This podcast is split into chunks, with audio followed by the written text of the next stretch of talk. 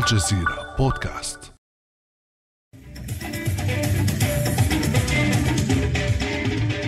على وقع هذه الإيقاعات الإفريقية تجمع حول موائد العشاء المدعوون لحفل زفاف في قرية معزولة شمال مالي. لكن سرعان ما تحول العرس إلى مأتم بعدما أدى قصف مقاتلات فرنسية للقرية إلى مقتل العشرات منهم. الأمم المتحدة حملت الجيش الفرنسي المسؤولية عن ذلك وشهد بذلك أحد سكان المنطقة. بونتي توجد خلف قريتي بالنسبة إلى الضربات الجوية التي تستهدف المدنيين أول مرة أطلع على هذا الأمر ولكن بالنسبة إلى الأخطاء فمثلا لدى قوات الأمن المالية القدرة على اقتفاء أثر المدنيين من قبيلة البال وقتلهم باتهامهم بأنهم من الجهاديين وهذا أمر شائع. المجزرة وقعت في الثالث من يناير من هذا العام أي بعد ثماني سنوات على بدء التدخل العسكري الفرنسي في منطقة الساحل والصحراء. ثمانية أعوام تمدد فيها الإرهاب واشتد في القارة الإفريقية. فما هي خارطة انتشار التنظيمات الإرهابية في أفريقيا؟ وكيف أصبحت ملاذا امنا لهذه الجماعات؟ وما هي انعكاسات ذلك على القارة السمراء؟ وما مستقبل أفريقيا في ظل تمدد الجماعات الإرهابية؟ بعد أمس من الجزيرة بودكاست أنا خديجة بن جنة.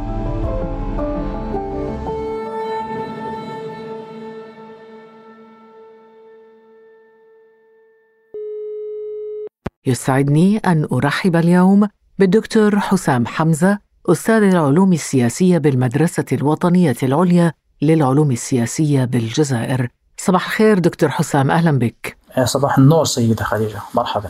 دكتور حسام دعنا نتعرف في البداية على خارطة تواجد الجماعات الإرهابية في أفريقيا ومن هي أبرز هذه الجماعات الإرهابية في القارة السمراء وأين تتمركز وتنتشر؟ الخريطة الحالية للجماعات الإرهابية في إفريقيا. في الحقيقة تتوزع أساسا عبر الشريط الساحلي شرق إفريقيا ونسبيا غرب إفريقيا. أهم التنظيمات على الأساس هي أول تنظيم على الإطلاق الذي وصل إلى القارة الإفريقية وهو تنظيم القاعدة بالإضافة أيضا إلى تنظيم الدولة وأيضا نجد في شرق إفريقيا تنظيم بوكو حرام والفروع التابعة إلى تنظيم الدولة في غرب إفريقيا وهي الفروع التي اكتشفت مؤخرا في الكونغو الديمقراطية في تنزانيا وفي زيمبابوي.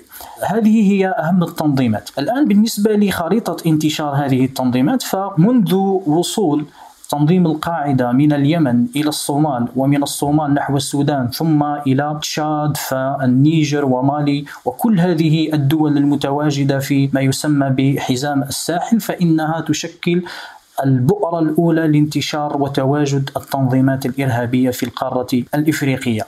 هناك بؤرة أخرى وهي تتمركز بين الشرق ووسط إفريقيا وهنا نتحدث بالأساس عن منطقة تواجد تنظيم بوكو حرام في نيجيريا وبدرجة أقل في الكاميرون. وحاليا الفروع الأخرى لتنظيم الدولة الذي وصل متأخرا فارا من الشرق الأوسط إلى القارة الإفريقية وهي تنظيمات وهي فروع موجودة في غرب إفريقيا، ولكن إذا اعتمدنا الآن على معيار آخر وهو معيار الانتشار سنجد بأن كل المناطق القريبة من هذه البؤر، مثلا نتحدث عن شمال إفريقيا أو حتى عن إفريقيا الوسطى، هذه في حد ذاتها الدول التي تنتمي إلى هذه المناطق الجغرافية هي دول لانتشار وفضاءات لنشاط التنظيمات الإرهابية الناشطة في البؤر الأساسية التي ذكرناها سابقا. يضاف إلى كل هذه المعايير حاليا أن يلحظ بأن انتشار التنظيمات الإرهابية حاليا أصبح مرتبطا أو أضيف إليه التواجد الصيني. بمعنى أينما وجدت الصين أو أينما وجدت الاستثمارات الصينية نجد بأن هناك قطبا للإرهاب بدأ يظهر في الدولة. والعامل الثاني هو مرتبط بالموارد الطبيعية. طبعا هذا محدد أساسي لوجود التنظيمات الإرهابية سواء في القارة الإفريقية أو حتى في المناطق الأخرى من العالم. بمعنى نجد بأن التنظيمات الإرهابية تتمركز في الفضاءات الجغرافية المعروف عنها بأنها تحتوي على ثروات باطنية كبيرة وبالدرجة الأولى نحن نتحدث هنا عن منطقة الساحل الإفريقي. وما العلاقة مع الصين؟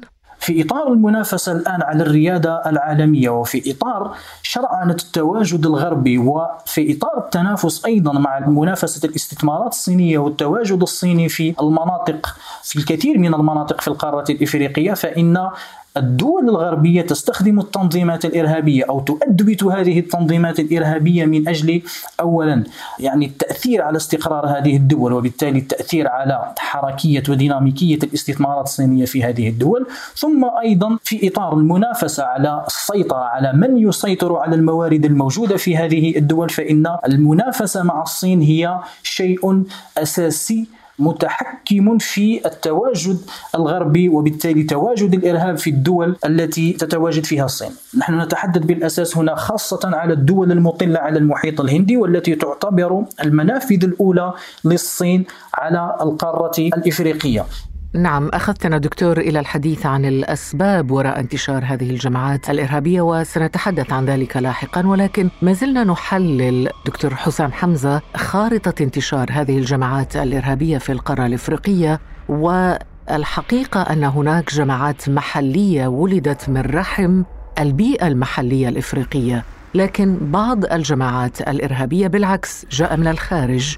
وأنت أشرت إلى ذلك قبل قليل أي أنه انتقل من مناطق في الشرق الأوسط نحو إفريقيا. كيف حصل ذلك دكتور؟ ولماذا؟ الإرهاب في الحقيقة في القارة الإفريقية أو حركية انتقال الإرهاب إلى القارة الإفريقية بدأت تحديدا في بداية الألفية. يعني قبل هذا التاريخ كانت هناك حركية لتنظيمات محلية بالأساس كانت موجودة في شمال إفريقيا اتجهت وانتقلت في بداية الألفية إلى النشاط في منطقة الساحل والصحراء. التقى هذا النزوح من شمال القارة الإفريقية إلى منطقة الساحل والصحراء مع دخول أو وصول تنظيم القاعدة الذي كان موجودا في اليمن إلى وصوله إلى القارة الإفريقية عبر الصومال ف السودان هذه هي الحركية الأولى لبداية انتقال التهديد الإرهابي من الشرق الأوسط إلى القارة الإفريقية. المرحلة الثانية لانتقال التنظيمات الإرهابية ونحن هنا لا نقصد فقط تنظيم القاعدة بل نضيف إليه أيضا تنظيم الدولة. بدأت بعد الضربات التي تلقاها هذا التنظيم في العراق وسوريا. بالإضافة طبعا إلى حركية الاقتصاد العالمي حاليا الحركية أو سيرورة النظام الاقتصادي العالمي حاليا محددة ومرتبطة ارتباطا اساسيا بالموارد الموجودة في القارة الإفريقية. نعم ولكن السؤال نعم السؤال دكتور حسام هو أن هذه الجماعات الإرهابية وأعطيت مثالا عن تنظيم الدولة الإسلامية، كيف استطاع هذا التنظيم أن ينتقل من العراق وسوريا ودول أخرى إلى القارة الإفريقية؟ الوضع الأمني في القارة الإفريقية وحتى نحن نتحدث حتى عن ضعف الحوكمة الأمنية في على مستوى الحدود وحتى داخل الدول وفي الكثير من الفضاءات التي تعتبر فضاءات فارغة هذه سهلت من مهمة الانتقال. التنظيم الإرهابي عندما يبحث عن ملاذ فإنه بالأساس يبحث عن الظروف المواتية التي تسمح له اولا بالتواجد وبناء معسكراته والقيام بتدريباته ويبحث أيضا عن الفضاءات التي تسهل نشاطاته والشرط الأساسي في هذه التنظيمات في هذه الفضاءات عفوا أن تكون فضاءات تتميز بما يسمى بالفراغ السلطوي وضعف الحوكمة. هذه هي المعايير الأساسية أو الشروط الأساسية المتوفرة في الكثير من الدول الأفريقية وخاصة في الدول التي لديها فضاءات صحراوية التي تسمح وتوفر البيئة المواتية لهذه التنظيمات. اذا تنظيم الدولة عندما حوصر في الشرق الأوسط وفي المناطق الأولى التي برز فيها وكان ينشط فيها وبفعل أيضا تطور ديناميكيات النزاع في منطقة الشرق الأوسط لم يجد فضاء أفضل من الفضاء من فضاءات الدول الإفريقية وخاصة منطقة الساحل والصحراء ولوجستيا عبر أي طريق يمكن أن تأخذ هذه الجماعات طريقها إلى أفريقيا؟ لوجستيا هي بالأساس تحتاج إلى العنصر الأساسي وهو التمويل بالإضافة إلى التسليحة، طبعا التمويل بسيط لا يحتاج إلى يعني عبر أساليب رقمية أو عبر البنوك يمكن الحصول على هذا التمويل، الآن بالنسبة للأسلحة القارة الإفريقية هي في حد ذاتها طبعا ورثت أو لديها موروث كبير جدا من النزاعات الإثنية والنزاعات الداخلية الأهلية التي تركت عفوا ارثا كبيرا من الأسلحة ومخزونا كبيرا من الأسلحة يمكن أن توظفه هذه التنظيمات الإرهابية. بالإضافة طبعا إلى الاستفادة من النزاعات المشتعلة ونحن نتحدث بالدرجة الأولى هنا عن النزاع في ليبيا الذي كان من بين أكبر العوامل وأكبر الأسباب التي سهلت على هذه التنظيمات الإرهابية سواء تنظيم القاعدة أو تنظيم الدولة أو حتى بوكو حرام أو حتى التنظيمات الأخرى المرتبطة بها وظيفيا وبنياميا سهلت عليها عملية التسليح لأن السيطرة على مخازن السلاح بمجرد سقوط نظام القذافي سهلت على هذه التنظيمات عملية التسلح. بالإضافة طبعا بالإضافة إلى أن استغلال العصابات الدولية لمنظمات الجريمة المنظمة. حتى بعض الدول استغلالها لهذه التنظيمات وأدوتتها من أجل تسيير مصالحها أكيد هذا أيضا سيوفر لها الكثير من الدعم اللوجستي الكثير من الدعم المالي والكثير من الأسلحة. هذا مصطلح جديد أدوتتها من أداة استخدامها كأداة. طيب تمكن هذه التنظيمات دكتور حسام من الانتقال إلى القارة السمراء وتحول العديد من دولها إلى ملاذات آمنة للجماعات الإرهابية ربما يطرح تساؤلات أنت أجبت على بعض منها بخصوص الأسباب التي جعلت من بعض الدول الإفريقية ملاذات آمنة للجماعات الإرهابية ما هي هذه الأسباب؟ أغلب الأسباب أو الأسباب الأساسية والمحورية التي تجعل من الدول الإفريقية والكثير من المناطق الإفريقية ملاذات آمنة وملاذات للتنظيمات الإرهابية تسهل عليها النشاط هي عوامل مرتبطة بعوامل ذاتية. نحن نتحدث عن دول دول إفريقية طبعا كلها تقريبا إما دول ضعيفة أو دول ربما مرجح فشلها. هذا في حد ذاته عندما نتحدث عن بيئة بمثل هذه الميزات وبمثل هذه السمات فنحن نتحدث عن ضعف للحوكمة في الكثير من المناطق خاصة خاصة في المناطق الصحراوية. هنا يجب أن نعطي مثالا بالمناطق شمال مالي حيث تقريبا هناك غياب كلي لسلطة الدولة غياب كلي لتحكم الحكومة المركزية. الموجودة في الجنوب في تحكمها في مناطق شمال مالي وهل يمكن أن نضيف إلى ذلك ربما دكتور حسام حمزة تفشي وباء كورونا هل ساعد الجماعات الإرهابية على توسيع انتشارها وتكثيف عملياتها في أفريقيا؟ بالنسبة للوباء هو حتما أثر على الوظيفة الأمنية للكثير من الدول لأن أكبر جهد كان مسخرا من أجل مواجهة الجائحة وتبعاتها وبالتالي أثر على اهتمام الدول بالأبعاد الأخرى لأمنها. ولكن يبقى عاملا مساعدا وليس عاملا اساسيا في انتشار هذه التنظيمات الإرهابية في القارة الإفريقية. هي حتما استفادت من هذا التركيز تركيز على البعد الصحي لأمنها القومي من أجل مد انتشارها ومن أجل أيضا ترسيخ تواجدها في القارة الإفريقية. ولكن تبقى الجائحة عاملا مساعدا فقط وليست عاملا محوريا. نعم هو عامل مساعد لأنه ربما الحكومات انشغلت ب والأنظمة انشغلت بجائحة كورونا والجماعات الإرهابية استغلت هذا الفراغ.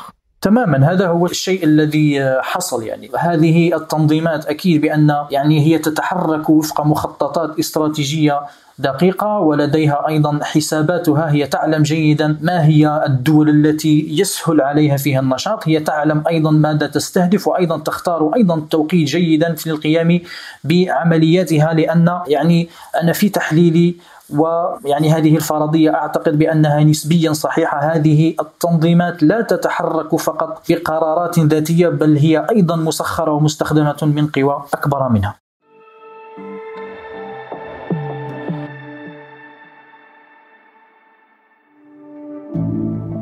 ابقى على تواصل مستمر مع الجزيرة بودكاست ولا تنسى تفعيل زر الاشتراك الموجود في تطبيقك لتصلك الحلقات يومياً.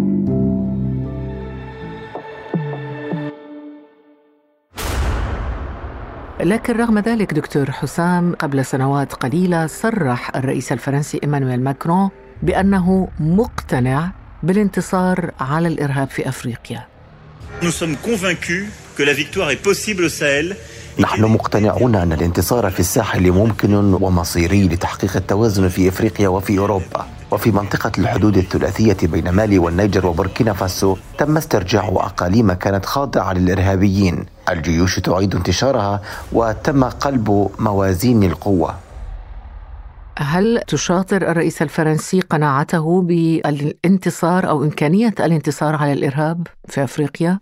الحكم على مثل هذه الأقوال يجب أن يسقط على الواقع ويجب أن نعتمد على الواقع للحكم على هذه الأقوال. الواقع يقول عكس هذا يعني.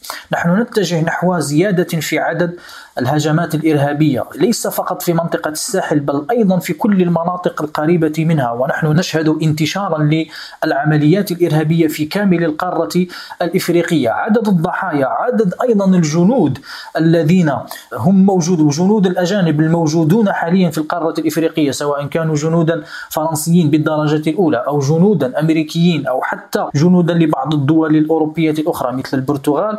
هذا دليل على أن التهديد الإرهابي آيل للتفاقم وليس العكس. وبالتالي فإن قول الرئيس الفرنسي هو في الحقيقة نوع من الخطاب الدبلوماسي نوع من حتى في بعض الأحيان الشعبوية التي تمارس مع الرأي العام الفرنسي داخليا لأن المصلحة الفرنسية وأنا أقول وأكرر بأن المصلحة الفرنسية ومصلحة أيضا الدول الأجانب الدول الاجنبيه عفوا في القارة الإفريقية ليست في زوال التهديد الإرهابي بل في تفاقمه لأن هذا سيبقي دائما على مبرر وجودها في القارة الإفريقية وسيسمح لها أيضا بالبقاء قريبة من كل الموارد الطبيعية والثروات الباطنية التي يقوم عليها اقتصادها لكن هذا التمدد للتنظيمات الإرهابية في إفريقيا هل يعني برأيك دكتور حسام أنه القوة العسكرية والتدخل العسكري الأجنبي قد فشلا في مكافحة الإرهاب؟ المؤكد هو أن التدخل الأجنبي يعمل دائما على مفاقمة الكثير من التهديدات وحتى إذا نجح نسبيا في مواجهة التهديد الأساسي الذي جاء من أجله فإنه يتسبب في بعث وتوليد توليفة أخرى من التهديدات قد تكون أكثر خطر من التهديد الأصلي وأطول عمرا. إذا الحالة الحالية أو الوضع الأمني الحالي في القارة الإفريقية هو أكبر دليل على أن أولا التدخل العسكري والتدخل الأجنبي سواء يعني بالأساليب العسكرية أو حتى بالأساليب الأخرى عن طريق التمويل مثلا ولقد ثبت بأن الكثير من الدول الغربية وعلى رأسها فرنسا هي في حد ذاتها تمول عفوا تنظيمات الإرهابية هذا التدخل هو في حد ذاته فرنسا تمول تنظيمات إرهابية أكيد. في أفريقيا؟ نعم عن طريق دفع الكثير من الفديات لتحرير الرهائن في منطقة الساحل ولقد كانت هذه الأموال الفرنسية والألمانية وأيضا الأوروبية سببا أساسيا في استقواء هذه التنظيمات الإرهابية ووصولها إلى الشيء الذي وصلت إليه حاليا. واللافت دكتور أن القارة الإفريقية أصبحت اليوم موطئا لسبعة من أكثر عشرة مواقع خطرة في العالم. هذا استنادا إلى بيانات تم جمعها عن 198 دولة. ما يجعلها طبعا الأسوأ أداء في محاربة الإرهاب على مستوى العالم. وهنا نتساءل إن كان الحوار مع هذه الجماعات المسلحة أو الجماعات الإرهابية في منطقة الساحل والصحراء يشكل ربما آلية لحلحلة الوضع والحد من تواجد هذه الجماعات. لا التدخل الأجنبي حل ولا أيضا الحوار فقط هو حل. المشكل فيما يتعلق بالتهديد الإرهابي في القارة الإفريقية هو مشكل بنيوي بمعنى مرتبط بالبنية الإقليمية وبالبنية القارية وحتى بالبنى المحلية لهذه الدول. هذه البنى هي في حد ذاتها محفزة لكل عوامل التمرد بما فيها التمرد الإرهابي، اذا أن نختزل الحل في مجرد الحوار مع هذه التنظيمات التي أصلا لا تحظى بالشرعية، شرعية تمثيل السكان أو حتى شرعية التفاوض باسمهم، أن نختزل الحل بالتحاور معها فهذا خطأ كبير ولن يؤدي إلى حل لمشكل الإرهاب في القارة الإفريقية، مشكل الإرهاب معالجته يجب أن تنطلق من معالجة العوامل البنيوية الأساسية المرتبطة أو التي بدأت نشأتها منذ استقلال هذه الدول وتجارب يعني بناء الدول الفاشلة في القارة الإفريقية مرتبطة أيضا بالخلل الوظيفي لهذه الدول، مرتبطة أيضا بمعالجة مشكلة الشرعية لهذه النخب الحاكمة التي في كثير من يعني كثير منها إما متواطئ أو حتى عميل لقوى أجنبية ويعطل كل الحلول الداخلية الممكنة للمشكلات الأمنية بما فيها المشكل الإرهابي. لكن لا شك أن الاستقواء الواضح لهذه الجماعات الإرهابية وارتفاع وتيرة العمليات الإرهابية في القارة الإفريقية سيزيد من تعميق جراح القارة السمراء المثخنة أصلا بالكثير من الجراح النازفة والمشاكل منذ عقود. أنت دكتور حسام حمزة كيف ترى مستقبل الأمن والاستقرار في أفريقيا في ظل تمدد هذه الجماعات الإرهابية؟ سنشهد تزايدا كبيرا في عدد الهجمات الإرهابية، سنشهد أيضا انتشارا أكبر للتنظيمات الإرهابية ولفروعها في كل الدول الإفريقية، سنشهد أيضا تزايدا لعدد الهجمات الإرهابية في الدول التي تتواجد فيها الصين وتتواجد فيها الاستثمارات الصينية التي في الدول التي تشكل عاملا من عوامل امتداد النفوذ الصيني في المنظومة العالمية، سنشهد أيضا امتدادا ووجودا للتنظيمات الإرهابية في كل المناطق التي فيها مخزون من الثروات الباطنية سواء تعلق الأمر بالطاقات الأحفورية التي يعني يعتمد عليها الاقتصاد اليوم أو حتى على ما يسمى بالمعادن الأرضية النادرة التي تستخدم في الصناعات الحديثة التي تستخدم سواء لصناعة مثلا الهواتف الذكية أو لصناعة السيارات الكهربائية وهذا هو التوجه الجديد للصناعة العالمية. مع العلم طبعا مع من أن يعني الصين تسيطر تقريبا على 90% من السوق العالمية لهذه المعادن النادرة الموجودة في القارة الإفريقية. إذا هذا التنافس إذا ربطنا هذا التنافس وهذه الصيرورة للمنظومة الاقتصادية العالمية يدفع يعني يمكننا القول بأن القارة الإفريقية ستكون حقيقة حلبة يعني للصراع في المرحلة المقبلة وسنجد بأن الإرهاب سيتفاقم أكثر في الكثير من الدول الإفريقية وحتى في المناطق التي كانت سابقا بعيدة عن هذا التهديد. شكرا لك دكتور حسام حمزة أستاذ العلوم السياسية بالمدرسة الوطنية العليا للعلوم السياسية بالجزائر. ألف شكر دكتور. شكرا سيدة خديجة يعطيك الخير يعطيك الخير. كان هذا بعد أمس.